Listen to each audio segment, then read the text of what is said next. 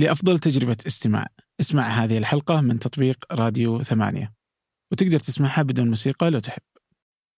مهما يعني مهما إحنا حاولنا إنه نغير في شكل التعليم آه، في الأخير هو الموضوع عائد إلى معلم قادر على إنه بشكل مرن يتفاعل مع التغيرات اللي صايرة اليوم ومع الطالب اللي أمامه ويعيد فلسفة ما يقدمه.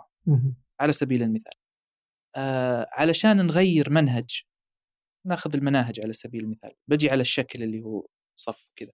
بس عشان نغير المنهج تتكلم على مثلا بتجيب 18 مادة لكل واحدة لجنة بتجيب خبراء تستقطبهم بتجيب فريق عمل آه، بتغير شكل المنهج وبعدين تبي تحصل على موافقات. عندنا تجربتنا إنه من 2014 بدأت واعتمدت قبل سنة سنتين. فالمده لتغيير شكل المنهج عندما تكون المسؤولية على كاهل آه، المشرع أو الجهة المركزية راح تكون بطيئة لا شك يعني ما, ما أقدر. آه، فلذلك إنه قبل ثلاث سنوات راح تجد إنه MSN Messenger لا زال جزء من الأمثلة على آه، برامج التواصل. بينما في في في الدول الأخرى أو في في المنظومات المتطورة يعولون على أمر مختلف. يجي يقول لك أنا أحدد شيء اسمه اي ال أو intended learning outcomes. آه، مستخرجات أو مستهدفات تعليمية. الطالب الثاني ابتدائي المفروض يتعلم الجمع. ما أعطي كتاب ما أعطي منصة ما أسوي شيء. المعلم يقول آه أنت تبيني أوصل له المعلومة على خشمي. ويستحدث محتوى مناسب للبيئة اللي هو فيها. أهلا. هذا فنجان من إذاعة ثمانية وأنا عبد الرحمن أبو مالح.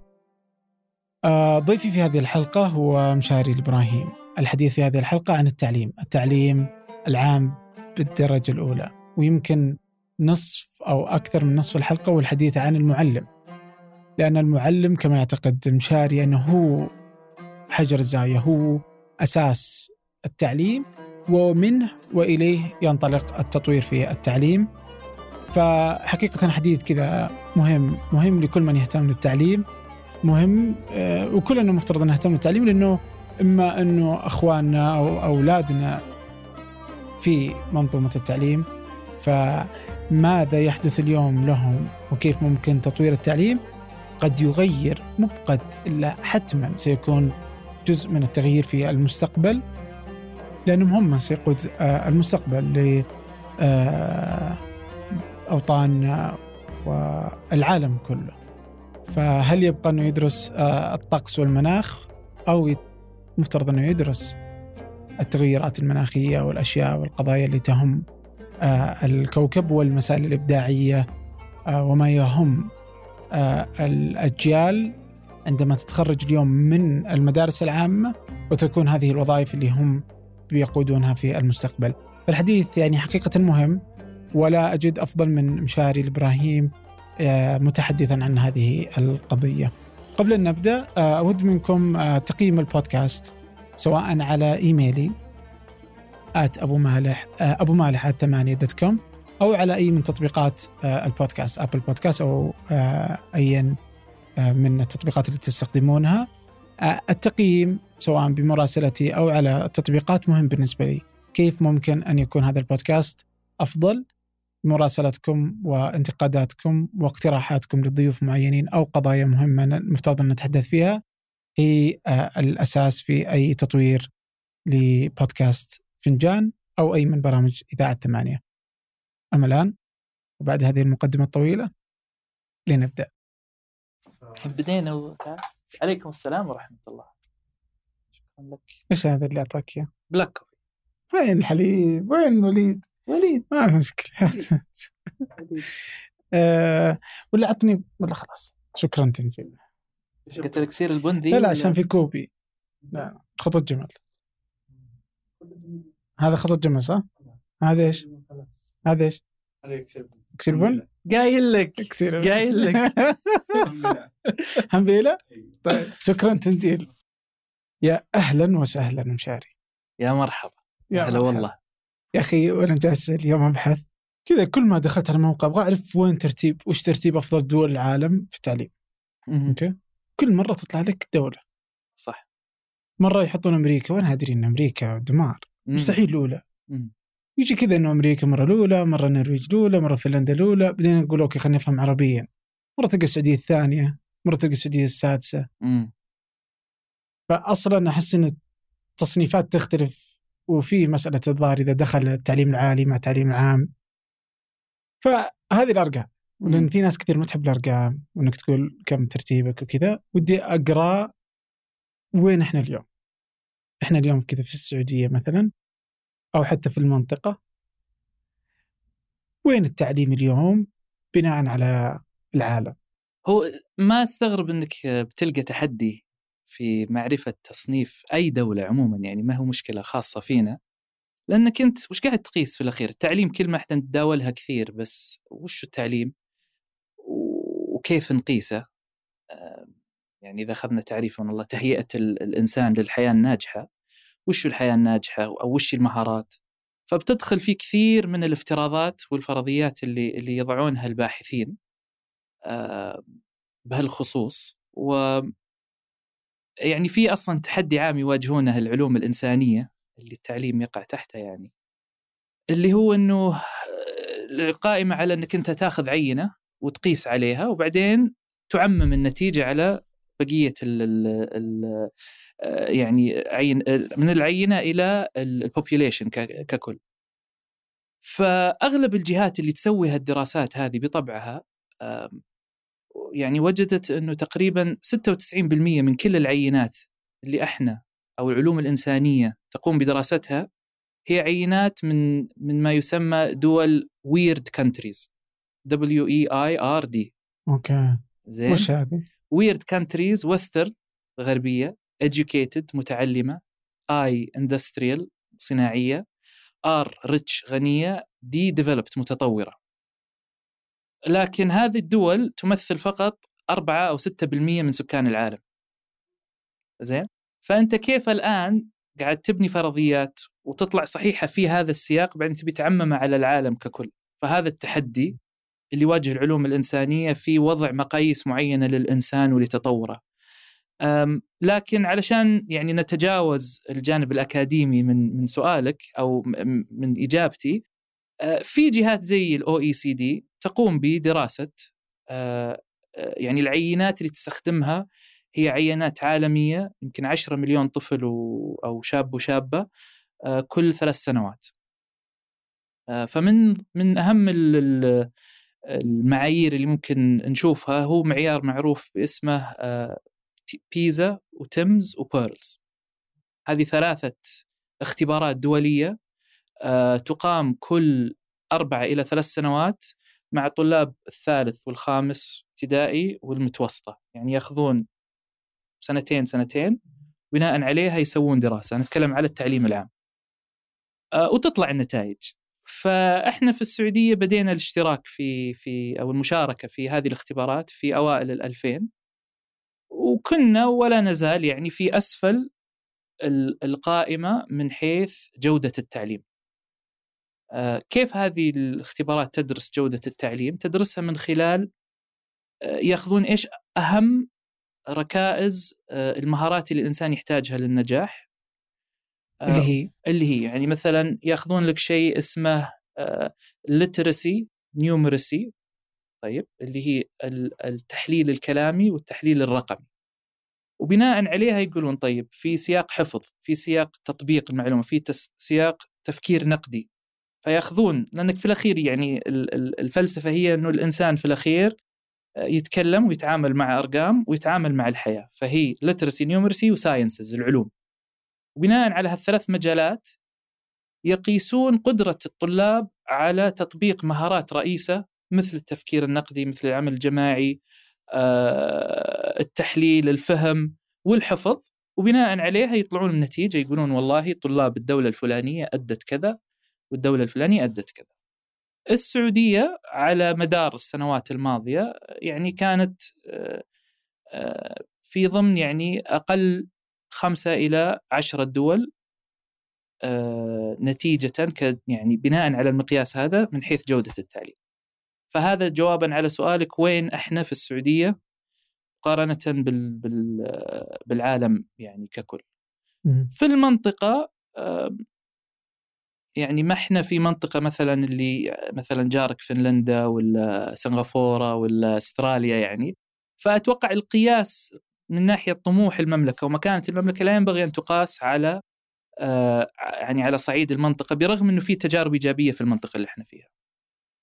بس آه بس يعني مثلا لما نجي الحين كذا نجي ناخذ هذه الترتيب واحيانا كذا تاخذ وشلون إنه الطلاب يصيرون جيدين آه وهذه المقاييس. وأول ما نجي نتكلم عن التعليم العام نتكلم عن الدول كذا دائما تجي في بالي كذا مثلا فنلندا النرويج آه يمكن حتى بريطانيا بس إلى حد ما. وش اللي خلى ذي الدول تتميز؟ هل في تجربة معينة خلتهم آه يطلعون من آه مكان عادي زي ما اغلب العالم لأني أحس إنه تحدي للعالم كله. مو بس السعودية مو بس المنطقة. التعليم أحس إنه مشكلة. بس خلى كذا في ظهر كم دولة هي اللي تتميز. تدري وش الغريب؟ الغريب إنه الجواب واضح. بس مو سهل. عرفت؟ okay. يعني مثلا إذا أنا أبغى أقول لك والله كيف أسوي زي ال Silicon Valley في السعودية؟ جواب هالسؤال صعب. لأنك ما أنت عارف من وين بدأ الموضوع وين انتهى، يعني إيش هو الشيء اللي لو أمسكه وأسوي عليه double click أنا بتحسن. في سياق التعليم آه، فيه مكونات رئيسة للتعليم في ذهن أي يعني شخص يتابع التعليم. يقول لك والله في منهج في وزارة آه، في أولياء أمور في معلم آه، لكن لما نشوف أي دولة متفوقة تعليميا أو تطورت فهو بسبب شيء واحد رئيسي. من غيره كل محاولاتك الأخرى لن تأتي أكلها اللي هو جودة المعلم في حال قدرت إنك تخلي جودة المعلمين مرتفعة ضرورة سيؤدي هذا إلى ارتفاع ملحوظ في جودة التعليم عندك في آه، الدولة اللي أنت فيها. فهذا بقول لك الجو... هذا الجزء السهل من من المعادلة انه والله يلا عدل المعلم المعلم انتهى الموضوع. لكن كيف برضو في خلينا نقول أطر واضحة بس بتختلف من دولة لدولة. عشان كذا دائما تحدي لما آه، يعني نستمع إلى مقاطع في يوت... نرى نشاهد مقاطع في يوتيوب أو نقرأ مقالات تستشهد بفنلندا مثلا أو تستشهد بدول أخرى. إحنا لازم ناخذ آه، تجربتهم والحين بنتكلم عنها. وما نقدر ناخذها كلها كما هي لأن فنلندا دولة صغيرة. فنلندا ما فيها تنوع ثقافي حضاري كبير. فطريقة إدارة التعليم أو الدولة عموما في دولة مثل هذه راح تختلف تماما عن دولة مثل أمريكا اللي هي يعني في فرق في الحجم دولة مثل السعودية. فلا بد هذه دائما يعني من الحين إلى نهاية اللقاء تكون حاضرة. يعني. إي حاضرة إنه يعني إحنا ما نقدر ناخذها كما هي وبنحاول نفككها. فكيف ترفع جودة المعلم بدرجة أولى؟ هي ثلاثة محاور رئيسة. أه تستقطب الكفاءات من مرحلة الثانوية تستقطبهم لمهنة التعليم بعدين بعد ما تستقطبهم تطورهم بعدين بعد ما تطورهم آه، كيف تقدر أنت إنك تستبقي المتميزين آه، أو المتميزين من المعلمين. هذه هي الثلاثة خلينا نقول محاور الرئيسة. إذا قدرت الدولة أي دولة مهتمة في تطوير تعليمها إنها آه، تعالج هذه الثلاثة محاور في سياقها الخاص بتقدر إنها ترفع جودة التعليم. فلو نمسك المحور الأول إذا حاب يعني ممكن ناخذها محور محور. المحور الأول هو استقطاب المتميزين. وبنعرج على أمثلة أنت يعني ذكرت سنغافورة ذكرت فنلندا وغيرها. آه، يعني لو نشوف سنغافورة عد أو فنلندا لكل مقعد تعليمي متاح فيه ثمانية متقدمين على المقعد هذا. فهذا مؤشر إنه في طلب. في فنلندا المعلم أغلب المعلمين عندهم شهادة ماجستير فما فوق. أوكي. آه وش الفكرة هنا؟ إنه كيف معلمين الابتدائي والمتوسط التعليم الروضة حتى. الروضة؟ إي هي هي ماجستير؟ ماجستير. لا وحتى ما تضمن. عندك ماجستير. رواتب عالية؟ إي الرواتب آه عالية أو خلينا نقول أعلى من المتوسط. okay. وانت انت ما شاء الله عليك يعني دخلت على أحد أبرز العوامل في استقطاب المتميزين اللي هو أنا يعني لو لو تسأل الحين أي أحد وش تبي تكون إذا كبرت؟ أو إذا سألت أبو وش تبي أو أم وش تبي ولدك أو بنتك يكونوا إذا كبروا؟ بيقولون لك مهندس بيقولون لك طبيب طيار طبيب. طيار يوتيوبر الحين من تالي صدق والله صح ولا لا؟ لأن في تصور إنه الفرص المهنية وبالتالي المكافآت المادية عالية بتكون إذا دخلت المهنه المهنه هذه. ممكن. فأنا راح أقدر أحقق ذاتي ماديا آه، إذا دخلت المهنه المهنة الفلانية.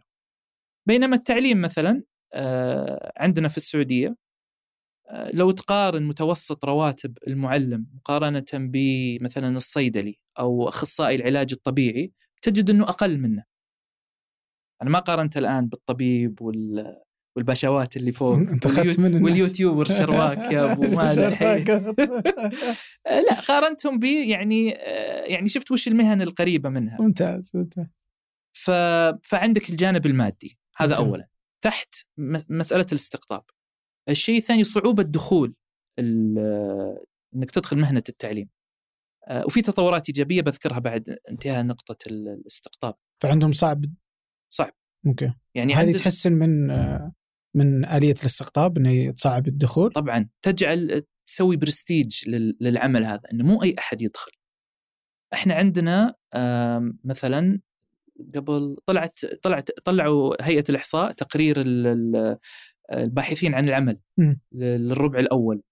يعني للربع الأول من سنة 2020 يعني قبل كورونا. أه، تجد إنه 20% من العاطلين عن العمل هم معلمين. فيه 85 ألف آه، آه، معلم ومعلمة عاطلين عن العمل. كيف؟ آه، لأن فيه عندنا مقاعد كثيرة يستقبلون طلاب يتخرجون يصيرون معلمين بس ما في ضرورة وظائف للمعلمين. يروحون لها فإحنا تكلمنا إنه وظيفة كمهنة غير جاذبة ماديا. حظوظك في إنك تتوظف صغيرة جدا بحكم إنه فيه عندك عدد كبير متقدمين. قدرتك على الدخول سهلة جدا. يعني أذكر وأنا صغير خليني أكشخ عليكم يوم إني جيت قدمت على طب وانقبلت بس ما رحت في جامعة الملك سعود. كانت يعني عملية مؤرقة وتروح من اختبار إلى مقابلة مع ثلاثة دكاترة ويقعدونك يسالونك أسئلة فلسفية وليش نرجع إلى فنلندا نفس الشيء. في اختبار خاص إذا بتدخل التعليم بعدين تدخل مقابلة مع ثلاثة آه خبراء. لك ليش تبي تصير؟ مو يقولون لك ليش تبي تصير معلم حتى أنت تقدم تقول أنا أبغى أصير معلم للروضة. فتجيك أسئلة ليش تبي تصير معلم روضة؟ ولازم تكون عندك إجابة حاضرة. ثالث شيء يعطونك مهمة ويراقبونك. وأنت تقوم بالمهمة هذه. يشوفون هل هو قادر أو هي قادرة تتعامل مع الطلاب تتعامل مع زملائها المعلمين وإلى آخره. في معايير مرتفعة جدا. الأمر الرابع واللي هو أظن قناة ثمانية إن شاء الله وبعض القنوات قاعدين يخطون خطوات إيجابية فيها هي إن ما مهنة التعليم أو ملف التعليم في تصوري مو ماخذ حقه في الإعلام. آه فتسمع دائما عن أول سعودي راح كذا.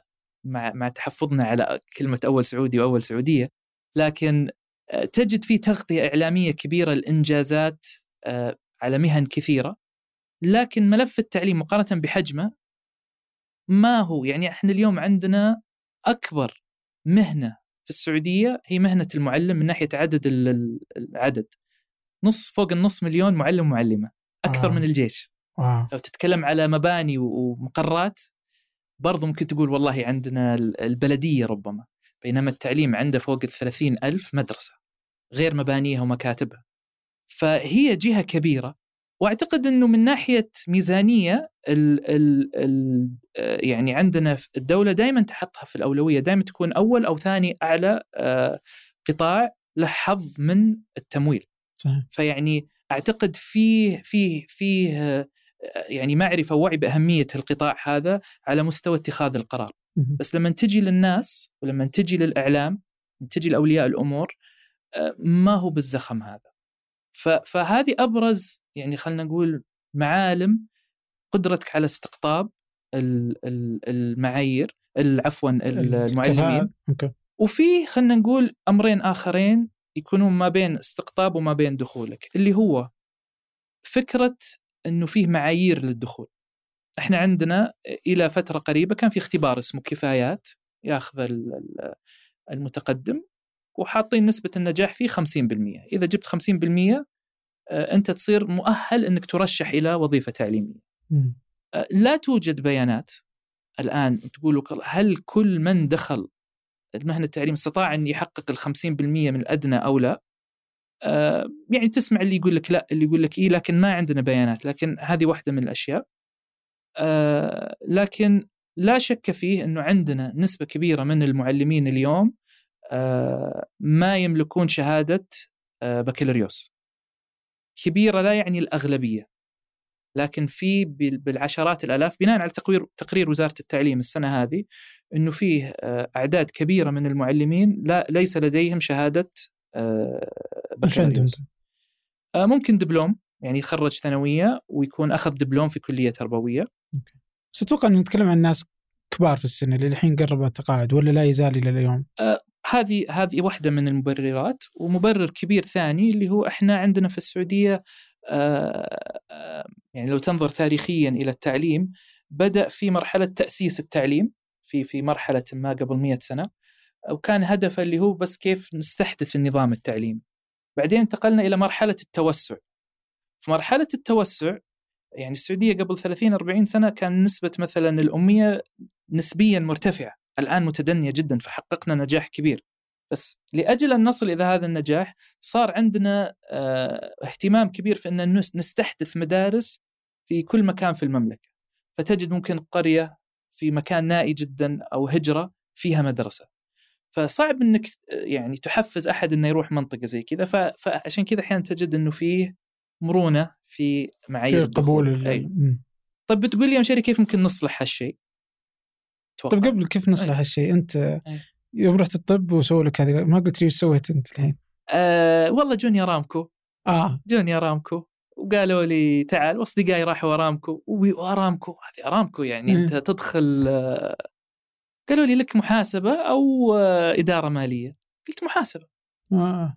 يعني أشتري ال- العمل في ال- المنظومة هذه آه، فهل إحنا عندنا مثلا في التعليم تترغب إنك تعمل في هالمنظومة هذا؟ موجود والله شوف عند السيد يعني ما أقدر أنا آه. آه. أقول بس أتوقع عند فئة السيدات العمل في المدرسة مرغوب آه وهذا ترى في في في كل أنحاء العالم العمل في المدارس آه وظيفة مرغوبة أكثر للسيدات دون الرجال والسيدات يؤدون أفضل من, من الرجال. الرجال بناء على أرقام هل بتقول هذه طبيعة المرأة آه، هل بتعزيها إلى أمور أخرى؟ ما أعرف، لكن هذا الواقع. الشيء الثاني برضو عندنا في السعودية آم، وظيفة آه، مناسبة اجتماعيا وثقافيا للسيدات أكثر من الرجال.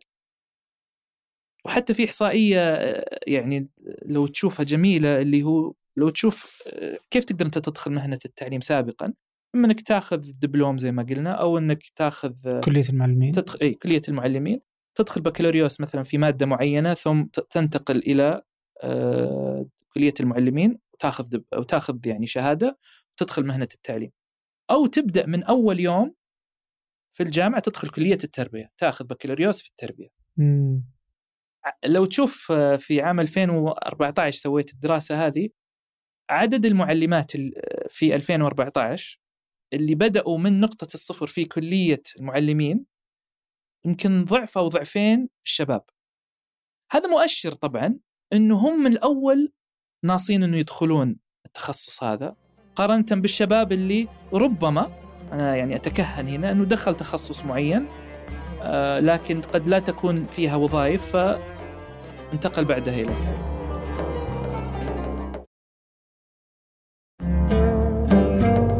أنا بتصور إني بتفق معك هنا. بس إنه ما هي إنها مناسبة أكثر للرجال إنه الرجال عندهم خيارات واسعة.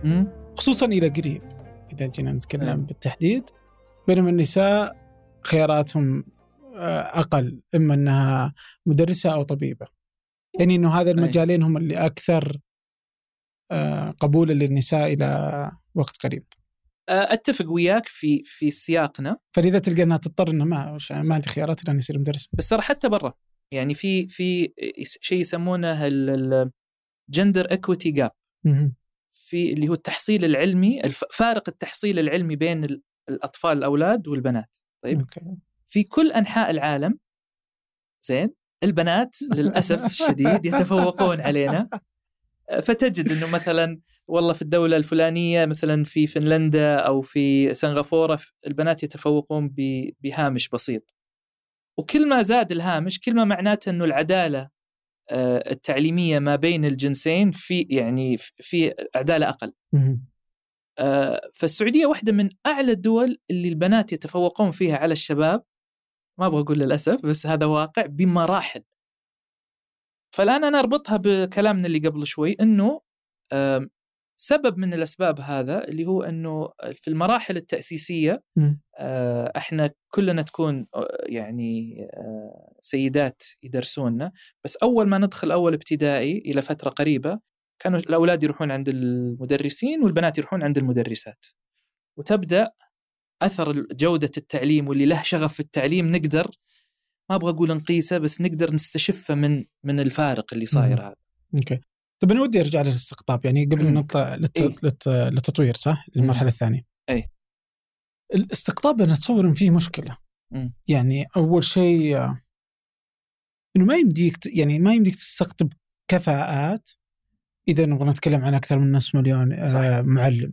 لا يعني أحس إني بقول إنه لا يمكن صدق يعني فكيف ممكن نشتغل على الموضوع ذا؟ يعني إذا جينا اخذنا فنلندا كم معلم؟ بالضبط. عدد ال... عدد اللي يوظفونهم سنويا ألف معلم. شحليلهم إحنا كم سنويا طيب؟ آه ما عندي المعلومة سويتها في دراسة. أذكر إنها بين ال 15 فارق كبير فأعتذر المشاهدين بس بين ال 18 و 22 ألف سنويا. إي. آه هذه حسبتي. يعني أخذت عدد المعلمين ومتوسط سنوات الخدمة. وافترضت اللي يطلعون لابد أن يعوضون. طبعا في برضو فرضيات أخرى كم نسبة السعوده في التعليم؟ العام؟ عالية جدا. عالية؟ عالية عالية جدا. بس عودة لسؤالك كيف؟ إي فاهم. كيف لو أبغى أزود رواتب كل واحد منهم ريال فهذا نص آه، مليون سنويا شهريا. شهريا إي. ففي بعض ال ال ال يعني لو نشوف سنغافورة خلينا نحول على دولة ثانية. سنغافورة وش سوت؟ برغم إنها دولة صغيرة أيضا بس قالت أنا ما أقدر إنه آه أستقطب وأتحمل لمدة 30 سنة 30 سنة خدمة رواتب أعلى. ما أتحمل. فقالوا اسمعوا إذا جيت درست عندي في كلية المعلمين أنا بعطيك مبلغ وقدره كطالب جامعي. أوكي. فحصروا التكلفة على أربع سنوات. يعني مثلا نجي هنا نقول الطلاب يأخذون 1000 ريال أو 990 ريال. بعطيك 2500 2500 فيصير مغري إنك تدخل كليه المعلمين هذه هذه حركة. حركة ثانية أو واقع ثاني. وبالمناسبه يعني أنا أحس قاعد أنتقد كثير بس قبل ما ننتقل ذكرني في في خطوات إيجابية صارت خلال الفترة اللي فاتت. حركة ثانية ممكن نسويها أو واقع ثاني عفوا إحنا عايشينه اللي هو نس متوسط حجم المدرسة في الدول المتقدمة تعليميا تقريبا 360 طالب لكل مدرسة. حلو؟ في السعودية متوسط حجم المدرسة 100 إلى 130 مدرسة. إيش إيش مترتبات ذلك؟ 130 طالب بالمدرسة؟ المدرسة الواحدة كمتوسط. حتى في مشكلة معروفة في وزارة التعليم يسمونها المدارس الصغيرة والمتوسطة في ملف يبون يحلونه لكن لها أبعاد اجتماعية وسياسية إنه عندي هجر آه، فيها هنا مدرسة والهجرة اللي قبالها مدرسة نشيلها من مين؟ ان شلتها من هذه ممكن فإيش نتيجة إن تكون عندك مدرسة صغيرة؟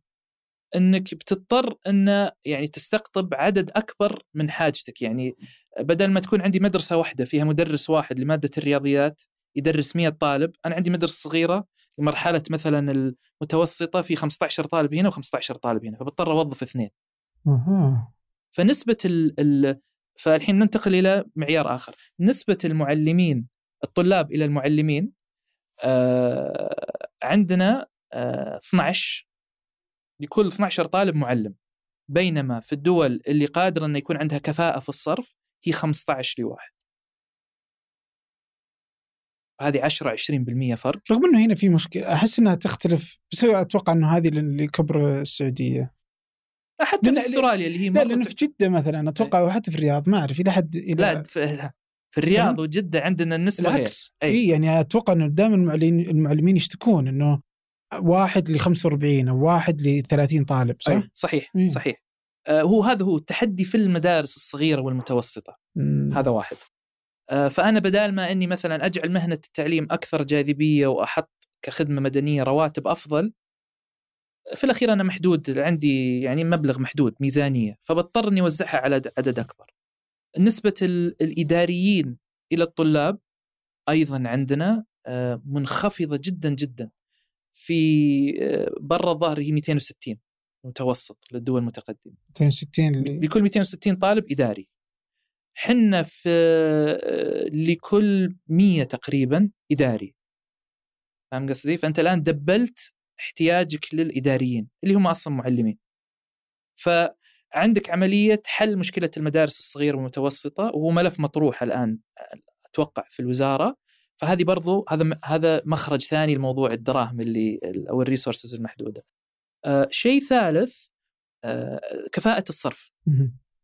آه وهذه من الإيجابيات اللي واحدة من الإيجابيات اللي شفتها في آه تقرير وزارة التعليم السنة هذه إنهم قاعدين يراجعون البنود الأخرى اللي قاعدين يصرفون عليها وقاعدين يجدون يعني فرص كبيرة لاستحداث وفورات لم تكن موجودة من قبل.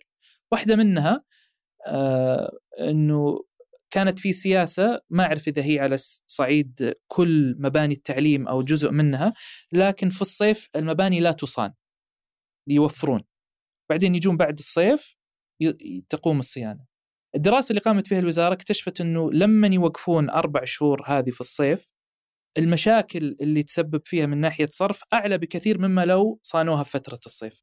فأعلنوا إنه استطاعوا يوفرون مليار ونص بس على بند زي هذا. فلك أن تتخيل إنه كفاءة الصرف تقليل عدد الناس اللي تصرف عليهم زاد إيجاد بعض الفرص إنك تعطيهم ترفع الجانب المادي بشكل محدود وضيق هذه كلها ممكن تساعد.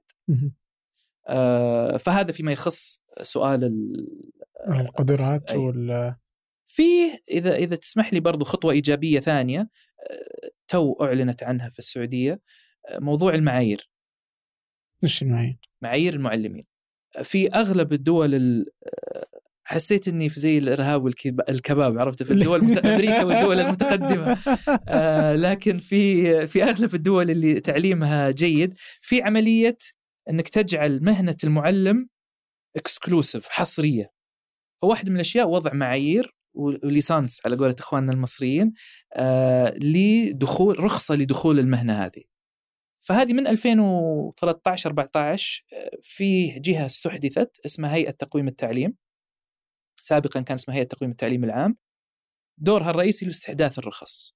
فلك أن تتخيل الآن بعد مرور ست سنوات اعلن وزارة التعليم برضو قبل ست شهور باستحداث الرخصة هذه ووضع مراتب للمعلمين وإلى آخره ففي في تحركات إيجابية طيب قبل أروح التطوير اي يعني لأنك تكلمت عن الأشياء اللي مثلا ممكن إنه ناخذ فيها في كفاءة الصرف في إيجاد أماكن معينة إنه نقدر نصرف فيها بشكل أفضل نغير مثلا أشياء معينة.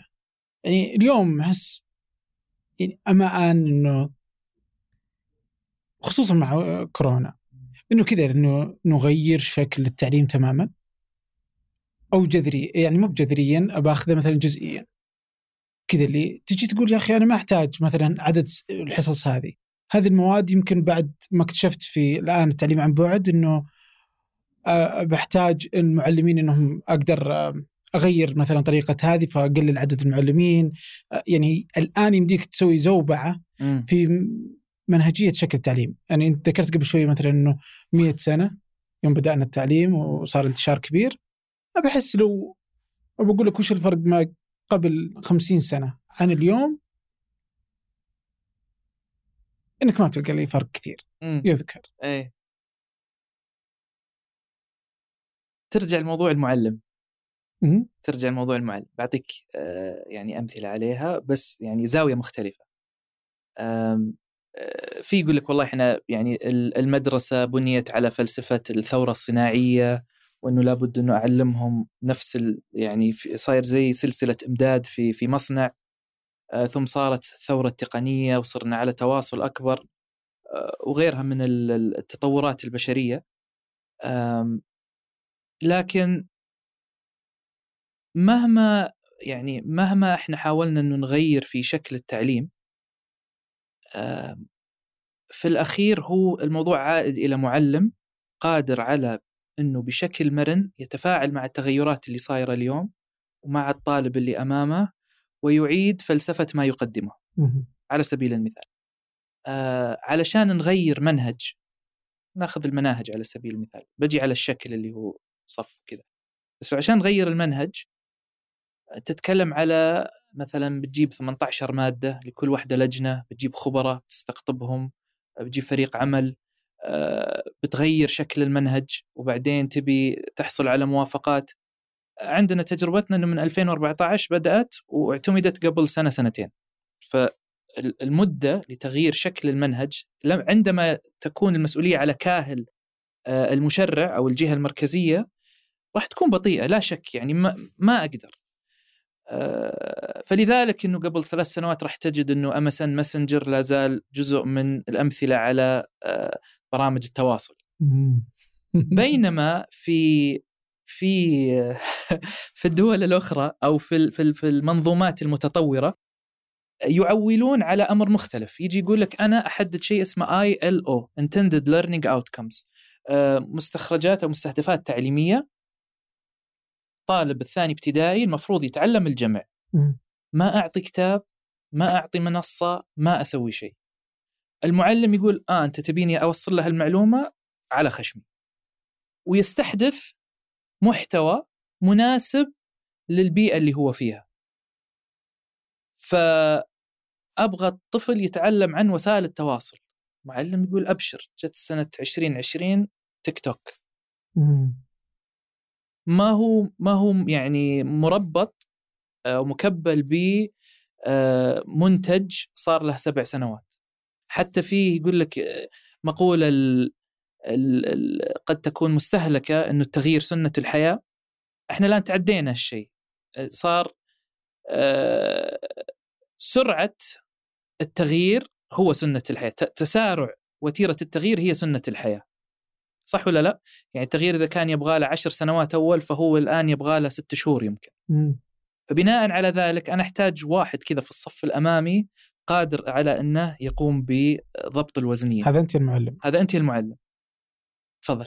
أنا أحس إنه يعني ودني بنتقل كذا للتطوير وكذا بس أحس بركز في البداية على الاستقطاب آه أو أوكي. الكفاءات طيب. يعني آه، من يعرف وش وش وش ممكن يصير علشان نستقطب كفاءات جيدة في السعودية يعني بحجم دولة زي كذا وشلون وش في خيارات مطروحة وممكن إذا تمت إنه نقدر نجيب كفاءات جيدة أحس إنك انت تقول إنه المعلم إذا هو ال- اللي في الأساس وإذا المعلم اللي تراهن عليه وإذا كل شيء أنت تحطه على المعلم بحس صعب جدا إيجاد كفاءات حتى لو ترفع الراتب واللي هو يكاد يكون مستحيل إنه يرفع بشكل كبير لكثر كثرتهم وش ممكن يصير؟ كيف ممكن يجيب كفاءات؟ لاني اذا بعول عليه أحس إني طيب. صعب المهمة أول شيء تخلي هالموضوع أولوية. إلى أوكي. فترة يعني قد تكون شيء بديهي صح يعني رد بديهي بتقول لي مشاري عطنا شيء المستمعين والمشاهدين يقدرون يعني. لكن صدق ترى إلى فترة قريبة لما لما كنت آه، يعني أقرأ تقارير أو إنجازات آه، آه، وزارة التعليم إلى فترة قريبة ما كان هذا الموضوع تحس إنه هو على رأس الأولويات وهو ال- الأساس. كان قد يذكر بشكل عرضي انه والله دربنا كذا معلم. بس موضوع إعادة النظر في مهنة التعليم مم. آه، هذه قرأتها تو في التقرير الأخير حق وزارة التعليم إنه هذه آه، واحدة من خمس أولويات نبي نوليها اهتمام الفترة المقبلة.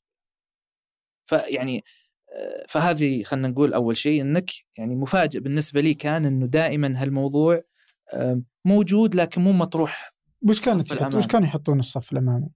المنهج آه، المباني سبورات ذكية تقنية وتعليم يعني تقنية دمج التقنية في التعليم. وكان له حظوة بس لما تشوف كميزانية لا كميزانية 82% من ميزانية التعليم في المعلمين. بس نتكلم في الباقي ال 20% هذه اللي تستخدمها لغرض رفع جودة التعليم آه، يعني في انفراستراكشر فيه تقنية وفيه منهج آه، وفيه دورات تطويرية للمعلمين. ممتاز. بس بعد الأولوية للمعلم. هذا أول الحلول. نعم. الأمر الثاني تجربة سنغافورة في إنك تصيد المتفوق بدري. تتخيل إن شخص غير متفوق هو اللي يدخل مهنة التعليم وأنا ما قاعد أعمم ابدا على المعلمين بس يعني كمبدأ عام إنك تستقطب قاعد تبتسم. أنت already لا لأنه فيه يعني خصوصا في جانب السي... السيدات إيه. في إبداع. شفت معلمين رائعين لكن شفت آه، معلم كبت أوبر قلت له ما شاء الله وش تسوي؟ قال أنا معلم في النهار سائق أوبر في الليل. ف... فإيش ممكن نسوي؟ فأول شيء المكون المادي آه، في مرحلة الجامعة أنت آه، ممكن أنك تضع حوافز معينة للعدد هذا بحيث أن إحنا نقدر كدولة نتحمل الميزانية هذه. أنك تقلل عدد المعلمين وبالتالي تستطيع أنك أنت ترفع الصرف على كل معلم. لما تدخل في مثلا في الصين هذا مثال جميل. في الصين وش سووا للمعلمين علشان دولة كبيرة برضو ما عندهم ميزانية قالوا اسمعوا إحنا من الآخر تبون آه، يعني نبي نساعدكم في آه، رفع مداخيلكم سو سووا نظام رسمي للتعليم الخاص. أنت كمعلم تقدر يكون لك دخل ثاني بشكل رسمي بمنصة إلى آخره. وتجد حتى شيء غريب يعني لما تروح في الصين تجد لوحات معلمين من كثر ما أمورهم طيبة مسوي له إعلان في البلبورد في الشارع يعني تعال تعلم معي رياضيات لهالدرجة آه ف فطبعا إحنا أنا أحس إنه ركزنا كثير على الجانب المادي لكن هي واحدة من المعامل لكن ليس فقط ذلك. موضوع إنه الإعلام يولي الموضوع أهمية. آه في الخطوة الأولى لأي تغيير بعد ما إنك تحطها في بالك طبعا اللي هو آه خلق نوع من الحرقة sense of urgency على حالة التعليم بحيث إنه تشحذ آه، جميع آه، الجهات المعنية لأنهم يولوا اهتمي آه، يولوا أولوية للملف هذا.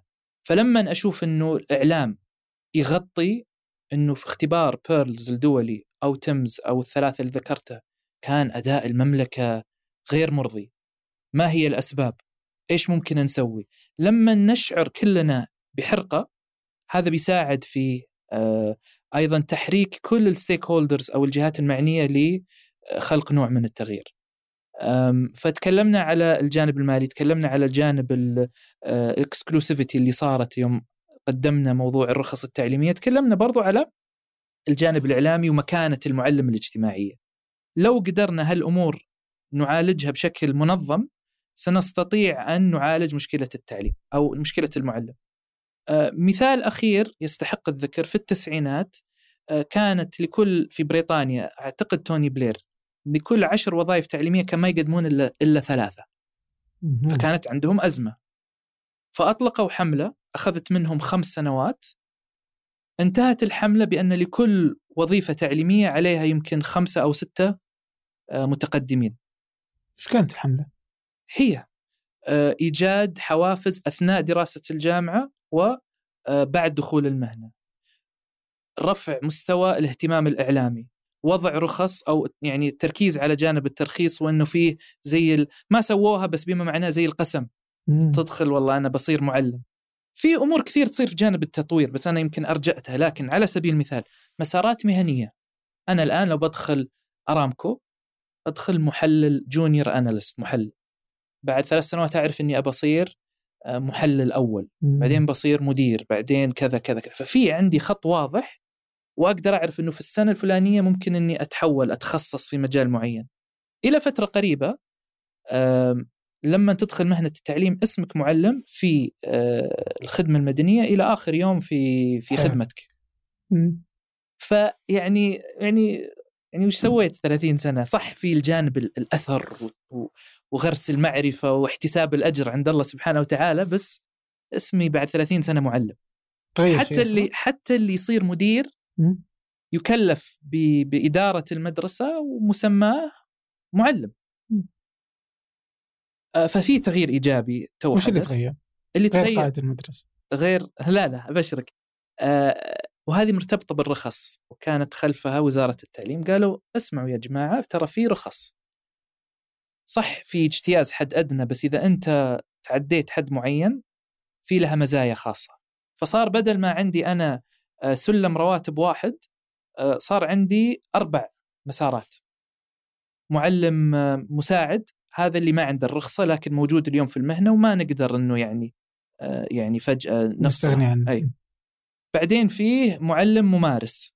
هذا المرحلة الأولى. الآن أي أحد يدخل مهنة التعليم مفروض إنه يبدأ على السلم هذا. معلم متقدم معلم خبير. مم. طيب. وكل واحدة لها مسار معين.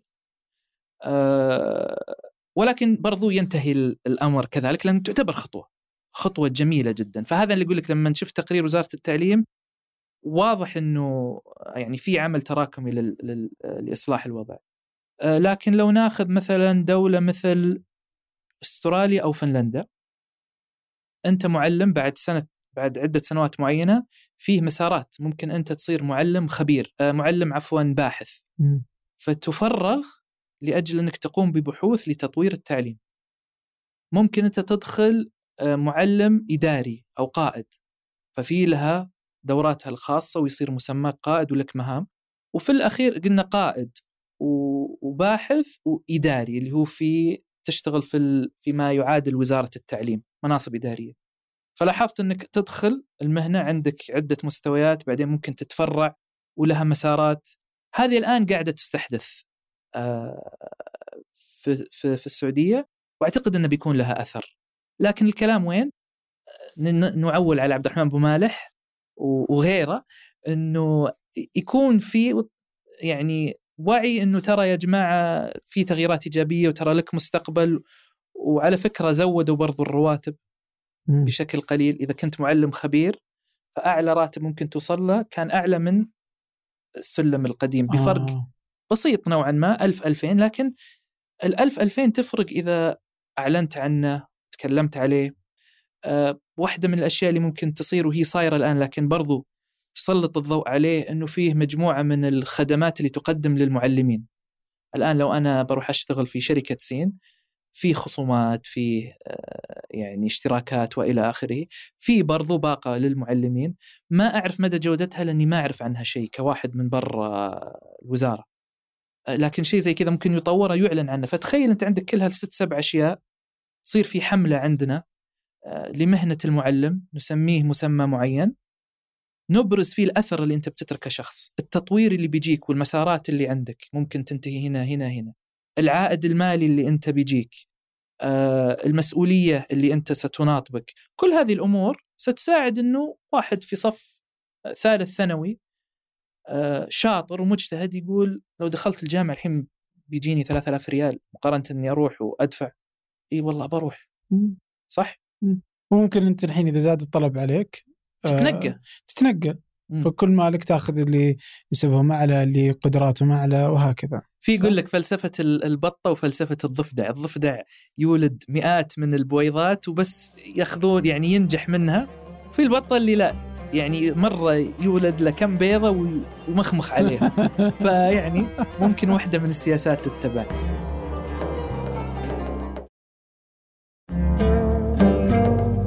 طيب.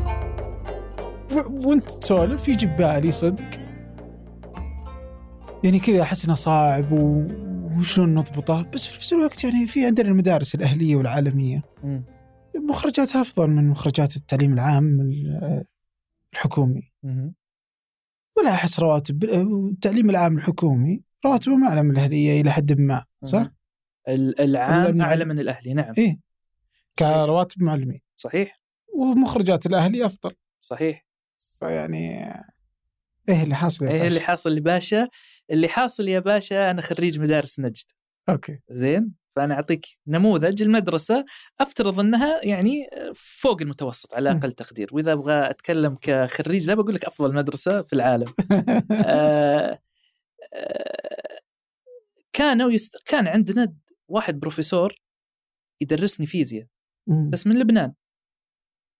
الراتب ال 7000 أو ال 10000 بحكم المدارس الاهليه إلى فترة قريبة آه، كان نسب نس إلى فترة يعني قبل خمس ست سبع سنوات كانت موضوع السعودة عموما ما هو حاضر بشكل كبير.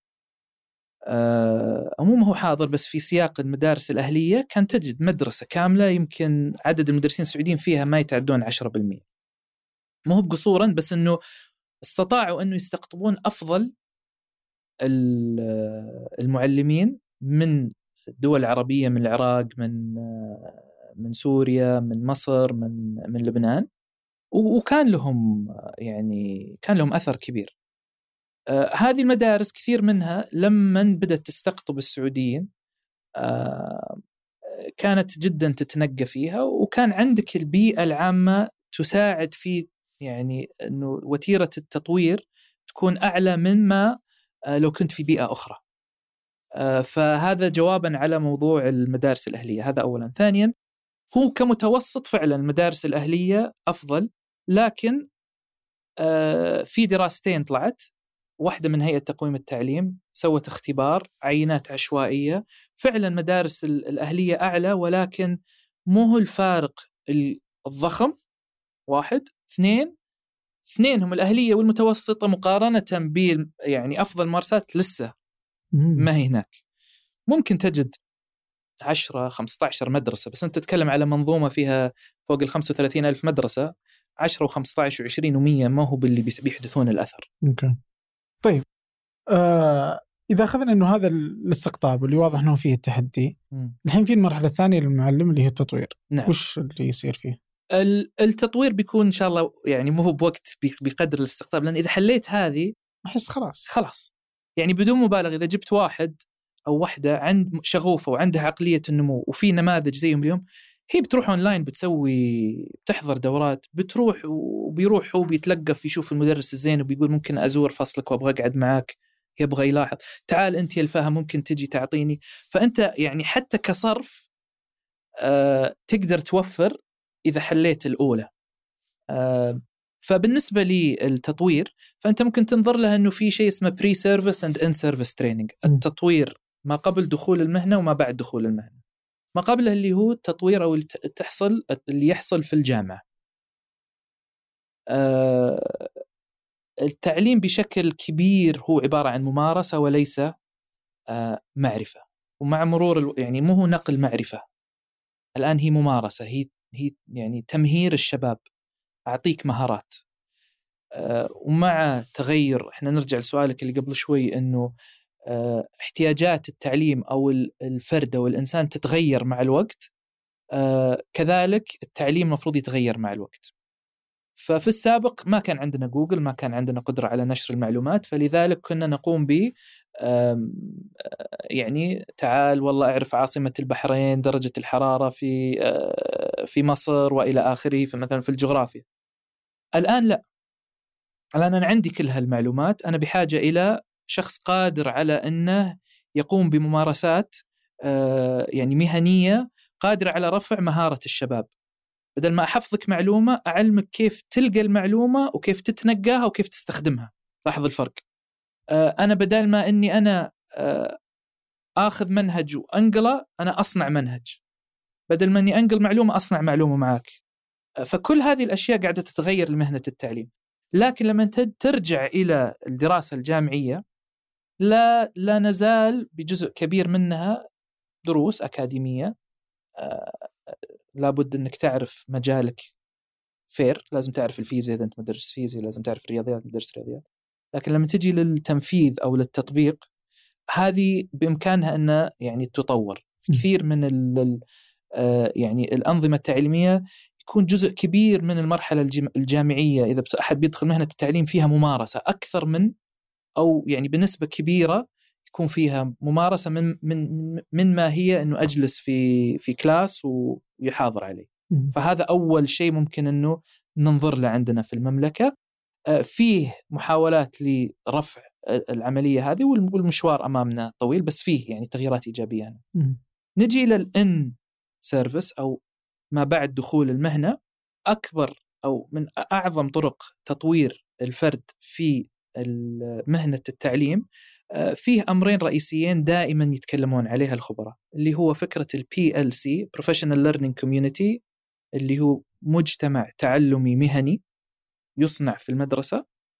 آه، وطبيعة الأشياء هذه ما تكون إن مثلا يجي واحد ويعطي محاضرة بقدر ما تكون فيها يلا أنت يا عبد الرحمن تعال درس صف مشاري ومشاري بيشوف كيف أنت تتعامل مع فلان المزعج اللي تعبنا كيف قدرت تتعامل معه؟ والله قدرت بشكل جيد علمني شلون.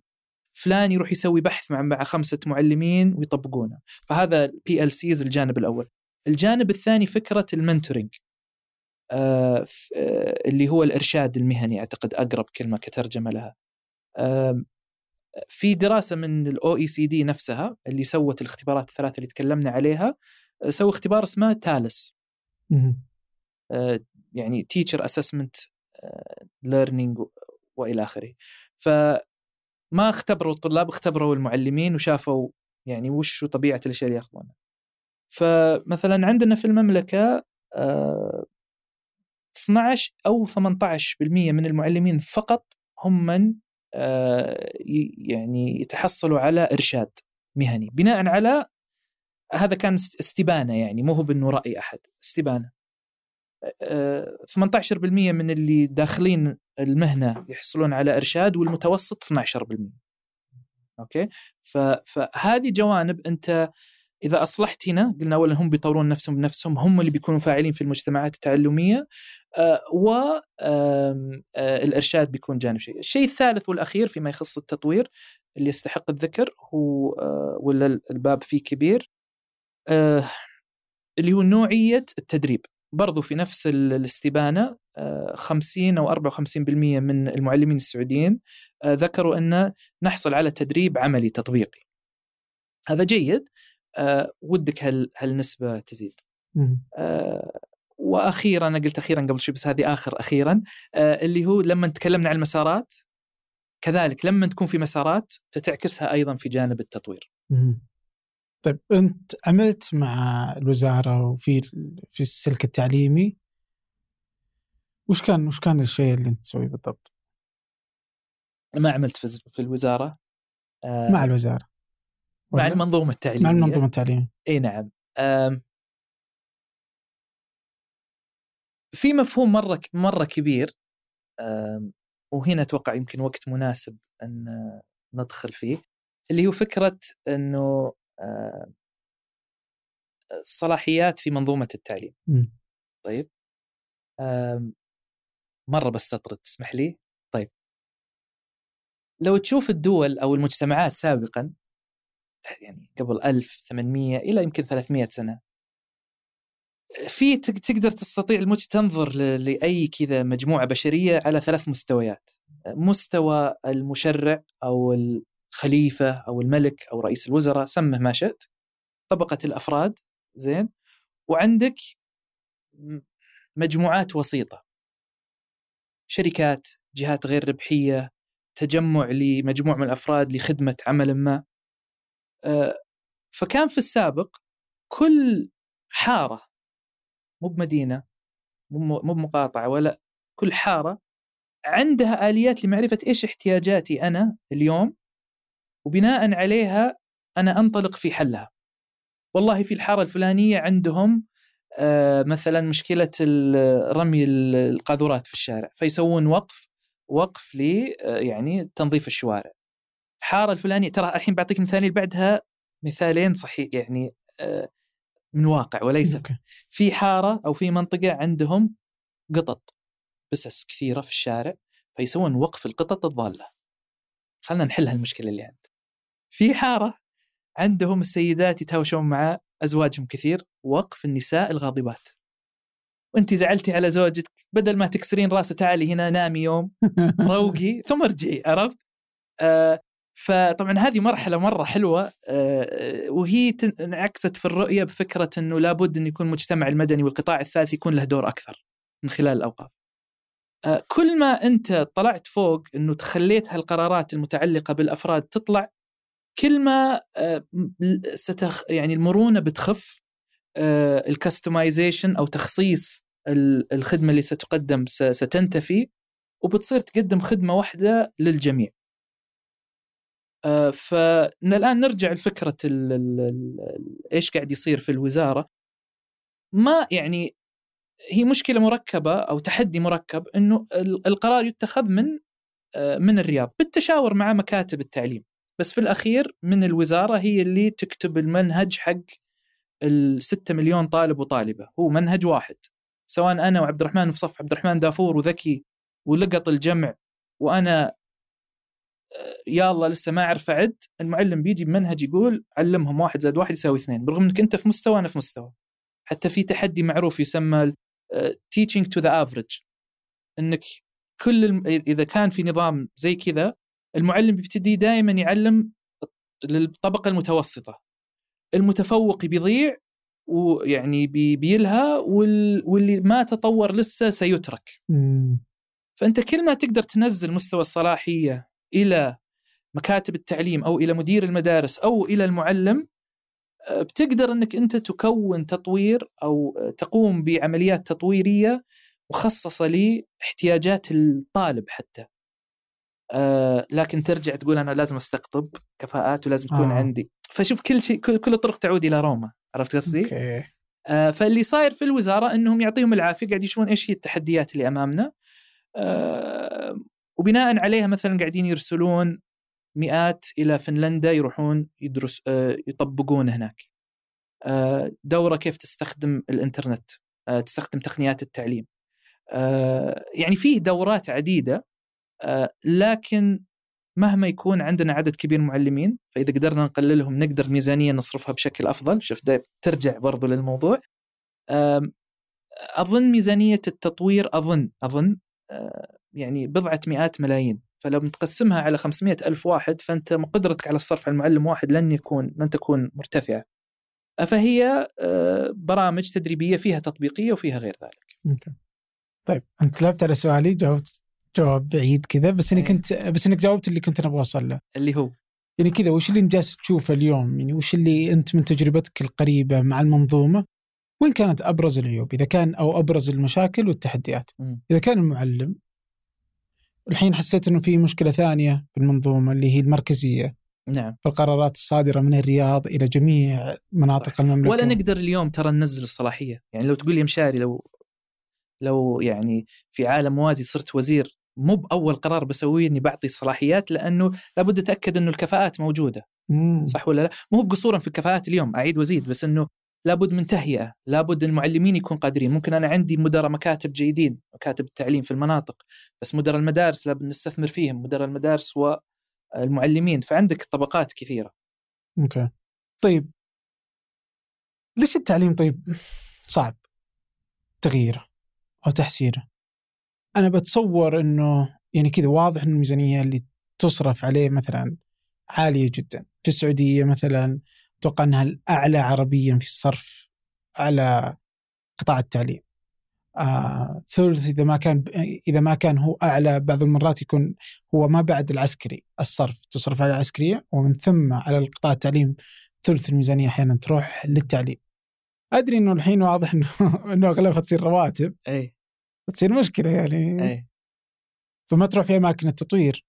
بس واضح إنه في هم من صانع القرار. صح إنه يكون في ت... إنه التعليم مو راضي يضبط. أو في هم واضح وحاضر اللي هو إنه هذا لازم يتحسن. بس مو براضي يتحسن. أحس إنه مو براضي يتحسن. ليش صعب؟ تحسين التعليم أم أه يعني في في سياقنا أول شيء التعليم مو بشيء مثلا بتخذ قرار اليوم وبكرة أو بعد سنة أو بعد أربع سنوات تحسن التعليم. م. هو شيء طويل المدى. فبحاجة إلى نفس طويل. هذا أول شيء آه، إحنا في التعليم بحاجة إليه. النفس الطويل يعني إنه الخطة أو الأولوية إذا وضعت هذه ترى النور بعد 10 15 سنة إن تست... يستمر ال... ال... ال... وضعها كأولوية ايا كانت الخطة الاستراتيجية. ف لأسباب أنا أجهلها عندنا يعني آه، كقيادة التعليم عندنا تغيرت كثيرا على خلال يمكن آخر عشر سنوات. آه، فطبيعي إنه بياتي مسؤول جديد بتكون له نظرة مختلفة. فهنا هذا هذا التحدي الأول اللي إحنا نواجهه إنه ممكن يجي عبد الرحمن أبو مالح وزير التعليم يقول عدلوا المناهج يجي مشاري الابراهيم يقول لا ركزوا على المعلمين ممكن يجي فلا وكل واحدة من هالأشياء استثمار سبع خمس سنوات. فعندنا هذا التحدي. التحدي الثاني على حد علمي إن يعني أنا قاعد أبحث إلى الآن لكن خلال آخر ما أدري أربعة ست سنوات ما في خطة استراتيجية للتعليم اعتمدت حتى الآن. استراتيجية إنه إذا تغير الوزير هذه اهدافي أنت إيه؟ تعال طبقها ايا يكن الوزير. بالضبط بالضبط. أه وأنا أتكلم عن عن جهل هنا إنه إيش الأسباب خلفها أنا ما ما أعرف بس هذا مكون آخر يجعل التغيير صعب أه تغير في في القيادة عدم وجود هذه الوثيقة خارطة الطريق اللي بناء عليها إحنا نبي نمشي آه، فكرة نرجع للجماعات الوسيطة بس بشكل بسيط لأن في في تمثل آخر أو تمظهر آخر للفكرة هذه اللي هو إن التعليم مسؤولية الجميع. آه، سابقا كان يعني نرجع ورا ورا ورا الأم والأبو يربون الولد الأبو خياط الولد يصير خياط زين؟ هذا هذا هو التدريب المهني حقه. نجار مزارع ايا يكن. ما كان في شيء اسمه مدرسة كان في ربما كتاتيب يعلمك الكتابة والقراءة والقرآن. هذا على وقتنا وحتى يعني أظن خارج. شفت اللي كان أول كل الناس يشيلون عذرا على الوصف يعني بس القمامة من الشارع كانت مسؤولية الجميع. بعدين صارت مسؤولية البلدية. فصار مشاري يمشي شرب الموية رماها. مسؤولية البلدية مو بمسؤوليتي. قياس مع الفارق إنه أولياء الأمور الآن أو الاولياء الأباء يرون إنه مسؤولية تعليم ولدي عند المدرسة مو مسؤوليتي أنا. والمدرس هو المفروض ياخذه يعلمه يتربى ياكل يكون يخاف الله يهتم في, في, في وطنه يتعلم فيزياء جغرافيا ايا يكن هذه عنده. في أهالي يعني طبعا مستثمرين أكثر وفي أهالي لا. وأثبتت الدراسات مرة بعد مرة إنه الأهالي اللي اللي بعطيك مثال. أو خليني الأهالي اللي اللي متفاعلين مع أبنائهم الأبناء التحصيل التعليمي عندهم يصير أعلى. ففي آه هذه البيزا وبيرلز 10 مليون طالب وطالبة على مدار 10 سنوات درسوهم.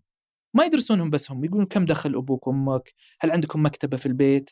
إذا رجعت البيت هل في وجبة غداء أو عشاء تقضيها مع مع الوالدين؟ أشياء زي كذا.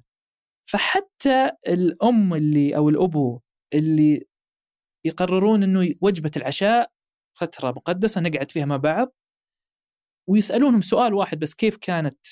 يعني كيف اليوم؟ كيفك في المدرسة؟ هذه لحالها كفيلة بأن تجد المتوسط الطلاب اللي عاشوا الحياة هذه يأدون بشكل أكبر بكثير من ممن لا يسألون. وهو بس ترى ما علمتهم ولا شيء بس تعشيت معك اطلبوا من جاهز خلينا نسوي لهم دعاية أو من ايا يكن. ماكدونالدز زين وخذ لك بطاطس واقعد معاه وقول لها كيف كان المدرسة يا حبيبي؟ هذه لحالها تكفي أو يعني تساعد. آه ففكرة إنه التعليم مسؤولية الجميع مسؤولية الإعلام مو بس مسؤولية والله الوزارة مساكين ترى كل شيء مرمي عليهم. ترى مسؤولية الأم والابو مسؤوليه الشاب والشابة نفسهم. آه ومسؤولية طيب مسؤولية الوزارة إنها يعني زي ما الحين في وزارة الصحة إنها جالسة تحاول الظاهر عندهم وحدة اسمها وحدة ال آه ناتج ما أدري شو معربينها بس اللي هي إنه آه، تعطي ممارسات أو تعزو إلى ممارسات معينة أو تسوي نكزات معينة لأداء معين إنك تودي الناس لسلوك مختلف أفضل. صحي صح. فأنت كذا لما تحط مثلا إذا افترضنا إنك تبغى تحط على منتجات فتجي تحط على المنتجات إنه هذا مليان سكر فتحط ملصق. صح. أنا بس بخليك إنك بتعيد قرارك زي السعرات الحرارية. مم. رحت كتبت السعرات الحرارية لأني أنا بغير سلوك الناس. هنا برضو يعني إذا الوزارة أخذت كل شيء عليها وما دفت أولياء الأمور وأشركتهم ذن يعني وش تبيني أسوي؟ صح علي؟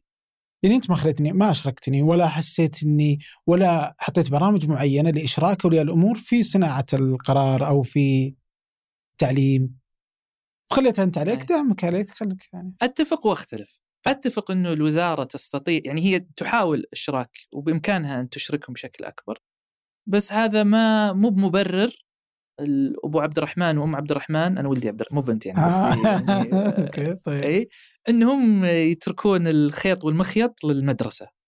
عرفت قصدي؟ فاهمك بس ما يمديك تعول على الناس. يعني زي لما تجي تقول إنه وزارة صحة والله أنا مو بمشكلتي إني ما أخلي أولادك يدخنون. إيش تبين أسوي؟ تبغون يدخنون؟ خليهم يدخنون. أنت مو اي أنا أقول لك مسؤوليه. مشتركة. اي بس إنه تجي وزارة بس إذا ولدي دخن ما ألوم وزارة الصحة. إذا ولدي دخن بلوم نفسي. مفروض يعني. إذا ولدي قصر في المدرسة وتهاوش أو كان اخلاقيا عنده مشكلة ماني بقايل والله المدرس مضروب أنا مضروب. صح عليك بس بختلف. يختلف يلا. إن على النطاق الفردي صح عليك. أي. إنه مسؤوليتك بس على نطاق المجتمع لا مسؤولية وزارة الصحة. إيش ذا المجتمع اللي 90% منه يدخنون؟ يعني وش جالس تسوي يا وزير الصحة؟ أي. صح؟ ما أدري هالمعلومه صحيحة؟ لا لا يعني أنا. جالس أقيس إي، يعني إي. فهمت؟ فكذا اللي هي باخذ وش ذا؟ المجتمع جالس يدخن. وين جالس وين نطاق التوعية؟ وين نطاق صح. آه، آه، يعني تغيير السلوك؟ وافرض اللي تبغى. عندك قدرة في آه، تشريع قوانين. عندك اللي تبي. صح صح. فيجي هنا دورك. أنا كيف تبغى مجتمع مثلا أي شيء؟ يعني في التعليم له علاقة؟ اي لا لا لا. يعني يجي هنا دور الوزارة. الوزارة عليها إشراك. يعني فاهم علي؟ يعني يمكن لو جاء أنا ما أدري صدق وش جالس يصير. بس أنا جالس الحين برضو من. راسي. آه اللي مثلا المدرسة إنه في أجزاء في قرارات معينة مناطة بأولياء الأمور، دام يصير يوم أولياء الأمور بس يجي عشان يشيك أو ولدي تمام،. لا اللي ترى في قرارات معينة أنتم من يقررها للمدرسة هذه. بناء على وش اللي يحتاج أولادكم أنتم ترى أولادكم ما لنا دخل. أتفق. اي لا لا صح. وذكرتني ب بشيئين آم، آه، المدارس المتطورة يكون عندها دائما كأهداف أو ركائز بناء عليها يعني هي اللي تحافظ على تميزها. واحدة اللي هو استقطاب وتطوير المعلمين ال- اثنين وثلاثة وأربعة الخامسة دائما يعني دائما تكون حاضرة اللي هي فكرة الشراكة المجتمعية. اللي هي بشكل كبير الأم اولياء الأمور. طيب؟ أوكي. بعطيك مثال مدرسة من المدارس آه، ما أقدر أقول اسمها آه، ما أدري لو مصرح لي إني أقول مثال هذا بس مثال حلو. أوكي. عندهم مشكلة غياب. الطلاب في الأسابيع اللي قبل ال- قبل ال- الاختبارات. الاختبارات وبداية السنة الدراسية عندهم غياب كبير نسبة تسيب عالية. آه، فوضعوا لائحة وقالوا حطوا عقاب. إذا غبت إذا تأخرت ساعة إذا تأخرت خمس دقائق معناته أنت غبت الحصة الأولى معناته فاتتك ساعة الله لا يهينك تقعد ساعة بعد الدوام. أوكي؟ آه إذا أي مرحلة الحين نتكلم؟ آه، ابتدائي؟ إي ابت- ابتدائي لا متوسطة وثانوية. أوه. إذا آه، فاتك اختبار ما في تعويض إلا بم... لكن قبل ما يعلنونه جابوا اولياء الأمور ووقعوهم على الورقة ذي. طبعا كان في عامل إشراك قبلها إنه ترى مصلحة أبنائكم وال- والدراسات تقول إذا فاتهم كذا ترى كذا وأنتم معانا آه، وش رأيكم؟ هل نقعدهم ساعة بعد الدوام ولا آه، ولا عليهم. مثلا نخصم ولا كذا؟ ف أداروها بشكل معين واعتمدت الوثيقة. آه، نسبة الغيابات نزلت كذا والقصص اللي سمعناها إنه يجي الاب ويقول تدرون إنه أول آه، واحد يعني ابو كان يقول يقول أنا كنت ولدي آه، يا هو يا زوجته يعني الأم كانوا يروحون يعني يجرونه من السرير. يقول أقسم بالله العظيم ما تصير يعني باقي 45 دقيقة إلا ألقى ولدي يقول بابا يلا خلنا نتحرك ما أبغى أتأخر ما لي خلق أقعد بعد الساعة ثلاثة أو ثنتين. آه فهذه ما كانت بتصير لو أولياء الأمور كانوا ضد الفكرة. مم. قال لا ولدي وباخذ الساعة ثنتين ولا لكم دخل. فهذا مثال طبعا بسيط لكيف إنه الإشراك ممكن يؤدي التوعية لها دور أيضا. آه ف لكن صعب الإشراك. وأنت عندك القرارات تتخذ بشكل مركزي. ممكن تسوي إشراك من باب- أخذ الاستئناس واخ والاسترشاد بآراء أولياء الأمور. مم. بعطيك استبانة عطني رأيك. هذه طريقه في ظل الواقع اللي إحنا نعيشه اليوم. لكن إذا استطعنا إنه ننزل مستوى الإشراك بيرتفع ما مدى نوعية الاشتراك ما مدى إنه القرارات تبقى تطلع من الرياض ولا تروح إلى إدارات المناطق؟ لا دائما في مشاركة نعرف لإدارة في. في كل منطقة في إدارة تعليم صح فهل إنها تقرر بشيء مختلف ولا في الأصل كلهم يرجعون لما تقرره الرياض؟ لا يعني على حسب آه، نطاق القرار يعني قرار زي المنهج. واحد واحد آه، توظيف لا آه، المكاتب ممكن يقول لك أنا هذه احتياجاتي ال- الوظيفية.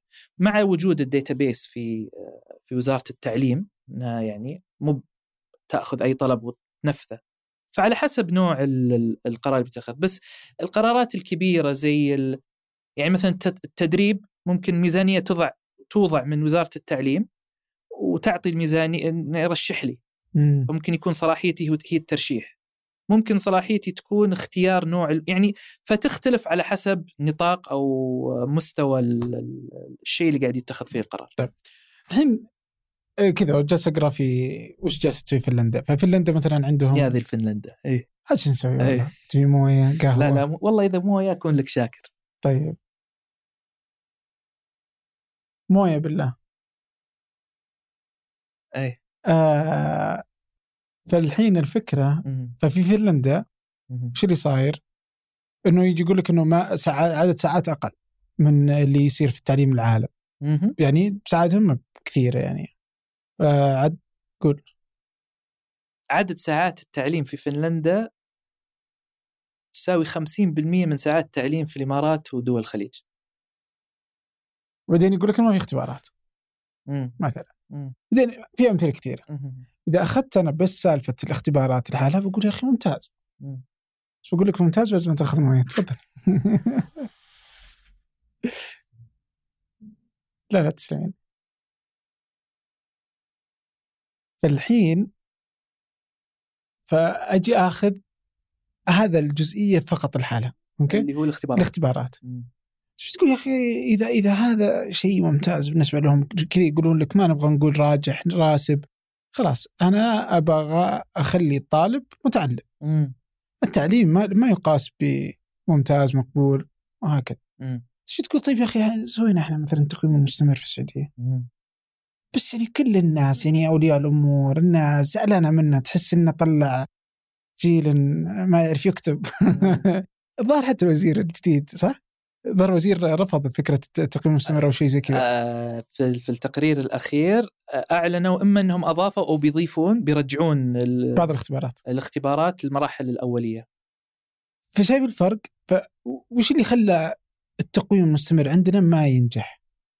بينما إنه هو واحدة من معايير. نجاح التجربة الفنلندية. أي لأن وهنا هنا نرجع لأول جملة قلناها اللي هو إنه هذا التحدي لما تأخذ فنلندا تقول والله سووا ألف باء جيم أنا أبغى أجيب ألف باء جيم بحطه عندي. وتعزل سياق إيش صاير في فنلندا. فنلندا عندهم معلمين قادرين على أنهم يقومون الطلاب ويقيمون أدائهم بالملاحظة بالمتابعة المستمرة وعندهم قدرة على نقل المعلومة.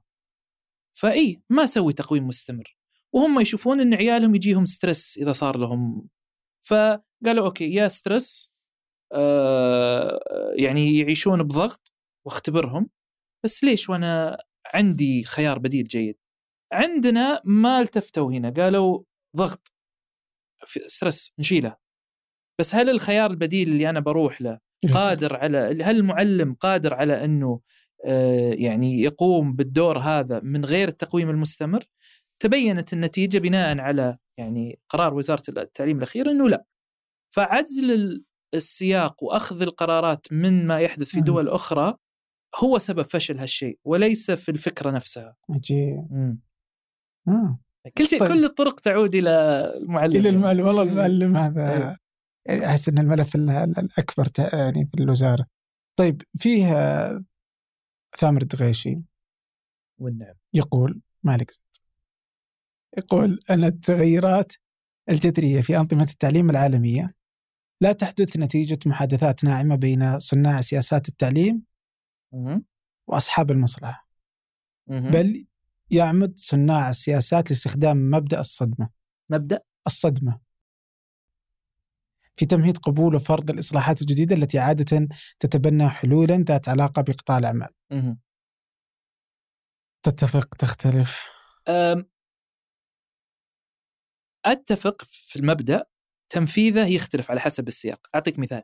فكرة إنك أنت ترخص تقول لأحد أنا ماني يعني الآن جزء من الترخيص اللي طلع للمعلمين أم، مآلة إلى أن أنت لن تحصل على ترقية إذا ما ترخصت. وما أنت منتقل العلاوة من إلى إلا إذا انتقلت من إلى. مم. هذه مخيفة آه آه يعني يعني تتكلم على 500 ألف أو 600 ألف معلم. يعني هو قرار سياسي سيادي بالإضافة إلى قرار تربوي تعليمي. صح ولا لا؟ فتخيل أنه آه آه كان وقتها آه أيا يكن اللي يقود منظومة التعليم رجال يعني قلبه قوي قال أي أحد ما يأخذ ترخيص خلال سنة مفصول. هذه سياسة الصدمة. أنا ما أظن أنه راح يعني يبقى وزيرا لمدة طويلة ولا أظن القرار سيرى النور. ولا ودك و- ويلا خلينا نسوي سلم وترى نبي نطبقه بس على المعلمين الجدد. هذا خيار آخر أنه بس أطبقه على الجداد والحاليين لا يكملون. هذا برضو مو بخير. فلا بد من جانب الصدمة اللي هو آه، على حسب السياق. ففي حالتنا هذه اختاروا طريقة الصدمة لكن آه، فولت شوي آه، أقل. أقل يعني إيه. اي آه، فطبعا الدكتور ثامر أنا ما أعرف في أي سياق كان قصده. ومعلم وأستاذ وأستفيد منه على المستوى الشخصي. طيب مين اللي مفترض إنه يقود التعليم؟ المشرع ولا السوق؟ هذه لو جبت الدكتور ثامر؟ والله فيها فيها يقول؟ لك سوق من آه وأتفق معه هو ضد السوق وأنا وأنا أرى يعني ف- آه، في في خلينا نقول ثلاثة خيارات في أنت ممكن تجيب المشرع إنه يكون هو مشغل ممكن تجيب القطاع الخاص أو ممكن في مفهوم آه، المدارس غير الربحية. آه، وفي عندنا بعض النماذج هنا في السعودية المدارس يعني ما أعرف في سجلها التجاري هل هي يعني أو في السجل حقها هي ربحية وغير ربحية لكن تدار بمفهوم إنها مدرسة تهدف إلى التعليم ليس إلى در عوائد وأخذ أرباح بشكل سنوي. آه، لذلك تجد إنه فتجد القرارات في هكذا مدارس تكون مخالفة لاحتياجات السوق. يعني خلينا ناخذ بعض الأمثلة. السوق اليوم آه، يوظف آه، هدفه ربح أوظف أرخص مدرس ألقاه 4000 ريال الحد الأدنى مثلا 4600 4000 ريال و600 بدل تنقل هذا اللي عندي. وفي 80 ألف باحث عن عمل معلم معلمة. إذا ما رضى أنت في 85 ألف واحد غيرك. مم. هذا خطوة أولى. خطوة ثانية كيف أزود ربحية يا أخي فترة الصيف ما في شغل. بنهي عقدك ترى في, في قبل الصيف وبداية السنة الدراسية برجع أوقع معك. هذا مخالف طبعا بس ممارسة موجودة. بدل ما أني أنا أحط أه، أستثمر أعيد استثمار الأموال في جوانب تحسن من التعليم. ممكن أشوف شيء يستقطب أنظار أولياء الأمور لكن قد لا يكون ضرورة لها عائد تعليمي. يمكن أنا أجي أقول أنا السنة هذه بحط سمارت بوردز والتعليم لا التقنية لا تستطيع أن يعني ترجع لجودة لمعلم غير قادر مهما جبت تقنية. فقرارات زي كذا ممكن تتخذ آه، خاطئة. آه، مو خاطئة يعني مو في مصلحة يعني بزنس بالعكس قرار رهيب. لكن ك كأداء لن تجد ذلك. في مدارس عندنا ولعلي يعني تدار ما أعرف عن سجلها زي ما أقول بس تدار بالمفهوم هذا زي مثلا مدارس الظهران في آه، في الظهران. مدارس التربية الإسلامية آه، مدارس الملك فيصل. آه، أصحابها لهم رسالة في التعليم. آه، وعندهم قيمة يبغون يتركونها وأثر يبون يتركونه ما يكون business يعني business قادر على إنه يغطي تكاليف فتجد قرارات تستخذ تتخذ في استثمار في في بنى تحتية وفي أمور ممكن ما يتخذها رجل رجل الأعمال البحت ف فبناء على ذلك هذا النموذج جيد لكن يصعب إنه في سنة سنتين أو خمس سنوات تخلي كل مدارسك مدارس غير ربحية يعني بحاجة إلى قدرات معينة. فستبقى بيد المشرع بإمكانه أنه يخلق مدارس غير ربحية أو مدارس ربحية بآليات معينة. آه، يعني كانت في وأعلنوا عنها هذه يسمونها المدارس المستقلة. آه، أعلنوا عنها في قبل سنتين أو ثلاثة. فكرة إني أنا بسلم مدارس حكومية شركة أسيل آه، للتعليميه بحط عليهم ضوابط معينة ومعايير قياس وبناء عليها أنت يعني جزء من خصخصه التعليم هذا؟ نعم جزء من ملف خصخصه التعليم. أوكي. واعتمد المشروع أظن المرحلة الأولى كانت عشرات مدارس 25 مدرسة.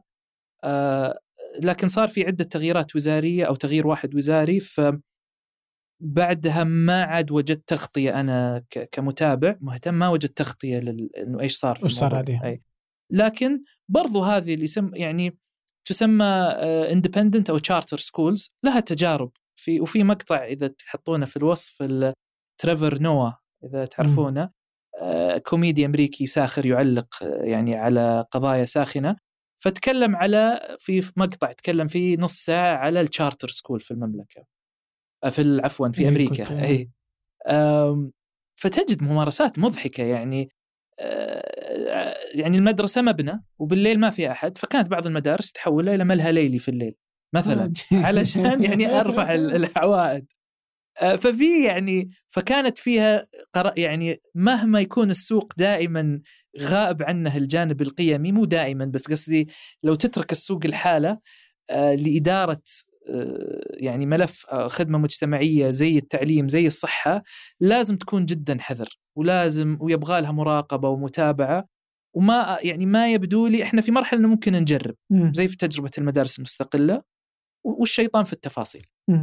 طيب آه يعني علشان ما أجلس على فنلندا والنرويج والدول هذه اللي ما أي. كأنها معنا في الكوكب أي. أصلا أي. ودي اخذ على الدول العربية. هل في تجربة عربية ناجحة في أي شكل من الأشكال؟ في يعني نتكلم على تعليم عام الآن. دبي وليس الإمارات. ما, ما أدري عن بقية الإمارات بس أتكلم تحديدا دبي. حتى تجد فيه في قياسات أداء الدول. تجد مثلا هنا أعلى شيء بعدين أقل الدول. فتجد دول الخليج هنا. فتجد مكتوب الإمارات بس بعدين الدارسين يبدو لي إنه عندهم وعي إنه كيف دبي مختلفة. حاطين الامارات بعدين حاطين دبي. آه. فتجد دبي أعلى. آه صعب قياس تجربة دبي لأن فيها نسبة آه، آه، يعني أجانب اكسباتس كبيرة جدا فثقافتهم تختلف. بس يعطيك مؤشر يعني حلو يعني شيء غريب جدا إنك تجد في قلب الخليج آه، مجموعة ناس مختلفين عننا وكيف أداء التعليم عندهم تغير تماما. الشيء الثاني الإمارات يمكن بناقض كلامي بس دبي فتحت السوق. قالت الكل من يبي تعال. آه لكن كان عندهم عدة ميزات. ميزة أنه المستهلك عنده نسبة من الوعي كبير فيفرق ما بين المدرسة الشكلية وما بين المدرسة غير الجيدة. آه يفرق ما بين أو عنده خيارات عديدة بحيث أن المدرسة اللي ما قاعد تؤدي بشكل جيد عندي خيارات أخرى وكان عندها جهة رقابية تقوم بدورها بشكل يعني متعبة المستثمرين. أوكي. إحنا عندنا في السعودية آه، جهة موازية لها أسست في 2014 اللي هي هيئة تقويم التعليم العام، بعدين صارت هيئة تقويم التعليم، صارت تقوم التعليم العام والتعليم الجامعي، والآن دخلوا معها التدريب، صارت هيئه تقويم التعليم والتدريب. وهي فكرتها قائمة على حلقات التعليم، الطالب، المعلم، المدرسة، النظام. والكل واحدة من هالحلقات تحط معايير تختبر تحط معايير وتختبر. أي أحد يحقق الطلاب يختبرون معرفتهم. جبتوا زين معناتها تعليمنا كويس. جبتوا شين معناتها نحن في خطر. الحلو إنه هذه جهة مستقلة عن وزارة التعليم. فما عندها فهي يعني هي محايدة تماما. آه لكن اختباراتها أطلقوها في 2015 و16 وبعدين توقفوا لسبب برضو اجهله بس هذه ممكن يكون لها دور كبير. بعدين يأخذون معلمين هم مسؤولين عن ترخيص المعلمين اختبار قدراتهم. وهذه رأت النور. نجي للمدرسة أيضا في اختبار للمدارس. أقول أنت أصنف المدارس إذا أنت تصنيفك آه، يعني قليل بعطيك إنذار إنذار ثاني اقفلك حكوميه أو أهلية ولا؟ آه عندنا يعني عندنا ما أعتقد يعني ما أعتقد إن عندها الهيئة التقويم صلاحية إنها تقفل مدرسة حكومية ولا أظن إحنا نقدر إنه يعني في الأخير عندي طلاب ما أدري وين أحطهم. بس إنه هنا تجي دور الحلقة الأخيرة اللي ممكن من خلالها يحدثون تغيير أطلع تقرير. ترى في ضبا ولا في الحسا هذه المدارس هذه أدائها يعني تدخل ولدك لو تخليه برا أحسن لك يعني فرضا يعني يطلع تقرير زي كذا هذه مدرسة فلانيه ويلا يا مشرع يا صاحب القرار تاخذ اللازم. انت واولياء الأمور تصالحوا. أنا علي اني أطلع معلومة. آه فتلاحظ الآن ممكن نرجع المعلمين الان بنرجع فكرة مسؤولية تعليم مسؤولية الجميع أيضا إنه لو إنها جهة وهي كذلك جهة محايدة تطلع التقارير وتترك الموضوع للسوق أو للمستهلك إنه هو يقرر. يقرر. آه لكن يعني هذه التقارير لسه يعني هاي التقويم رغم إنها تأسست في 2013 14 آه والحمد لله طلعت اللي هو الرخصة بالتعاون مع وزارة التعليم. في لها أدوار جميلة جدا ممكن إنها تلعبها لتقويم التعليم quality assurance للتعليم في المملكة. كيف ممكن آه، كيف ممكن ضبط جودة التعليم؟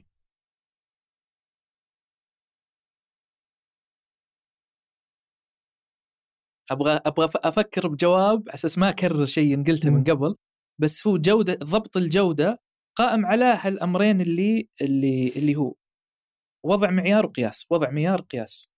هل هذا جيد؟ يعني جاي بقول لك كلمه ممكن؟ أوه والله إذا صرنا نفوز بجوائز عالمية وفي الاختبارات آه هذه إحنا بنصير تمام. لا لا. وش اللي يخلينا نصير تمام؟ اللي اللي خلي ترى هذا سؤال عميق. هذا سؤال صدق صعب. مو بجوابه مو بسهل.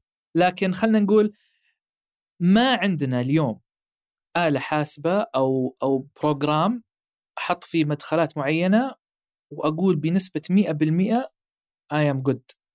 أنا ممتاز. عندي مؤشرات آه، تساعدني في إني أعرف يعني ها أنا يعني جيد إلى حد ما أنا واحد اثنين ثلاثة ما هي فارقة ترتيبي. بس أنا هناك. أنا في أسفل يعني ترتيبي 190 80 ما هي فارقة. بس معناته إنه أنا تحتنا ففيه الاختبارات الدولية آه، برغم في ناس يتحفظون عليها بس الاختبارات الدولية المعيارية هو أو هي آه، طريقة قياس. أنا كمشرع المفروض أشوف كيف كان أدائي فيها. أنا أخذت ترتيبي 80 معناته جودة التعليم سيئة سيئة.